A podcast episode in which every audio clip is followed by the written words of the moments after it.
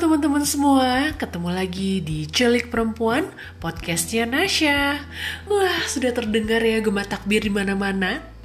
Kali ini aku merekam podcast aku sekitar jam 11 malam dan lokasi di sekitar rumah aku ini makin malam makin ramai takbirannya.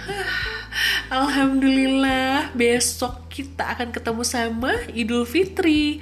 Setelah satu bulan berpuasa yang mana nih ya gak cuman menahan lapar tapi menahan segala emosi menahan amarah hmm itu belajarnya di bulan puasa. Kalau aku pribadi nih momen puasa ini tuh bener-bener belajar untuk mengontrol emosi mengatur flow emosi kalau ngelihat hal-hal yang gak disukain. Contoh kecil nih ya, di rumah aja deh ngelihat anak-anak berantakin mainan. Atau ngelihat anak-anak sibuk debat cuman gara-gara rebutan remote TV. Aduh, sabar, sabar. Nah, itu baru di dalam rumah ya. Kebayang gak pas lagi keluar rumah? Ketemu banyak orang yang gak dikenal tapi seenaknya. Misal nih, lagi ngantri di kasir, eh tiba-tiba diserobot.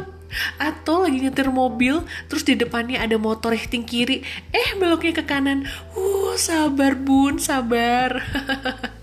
Wah pokoknya banyak banget deh ya hal-hal yang bisa menyulut emosi. Iya gak sih? Nah dengan puasa ini kita belajar nih. Kita jadi kayak punya peredam gitu loh teman-teman Semoga ya setelah satu bulan puasa di bulan Ramadan kemarin kita menjadi pribadi yang lebih baik lagi, lebih dekat lagi dengan Allah Subhanahu wa taala.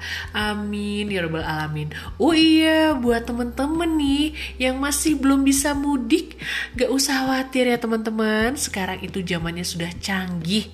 Silaturahminya online dulu aja ya, pakai Zoom meeting atau Google Meet.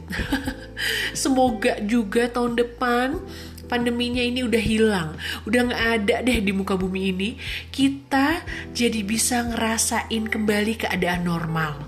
Silaturahmi langsung, salam-salaman, sungkeman sama orang tua, peluk-peluk kangen sama saudara. Ah, rindu banget hal itu tau gak sih? Semoga ya tahun depan kita bisa merasakan hal yang seperti itu lagi. Sekali lagi teman-teman, selamat Idul Fitri buat semua semuanya.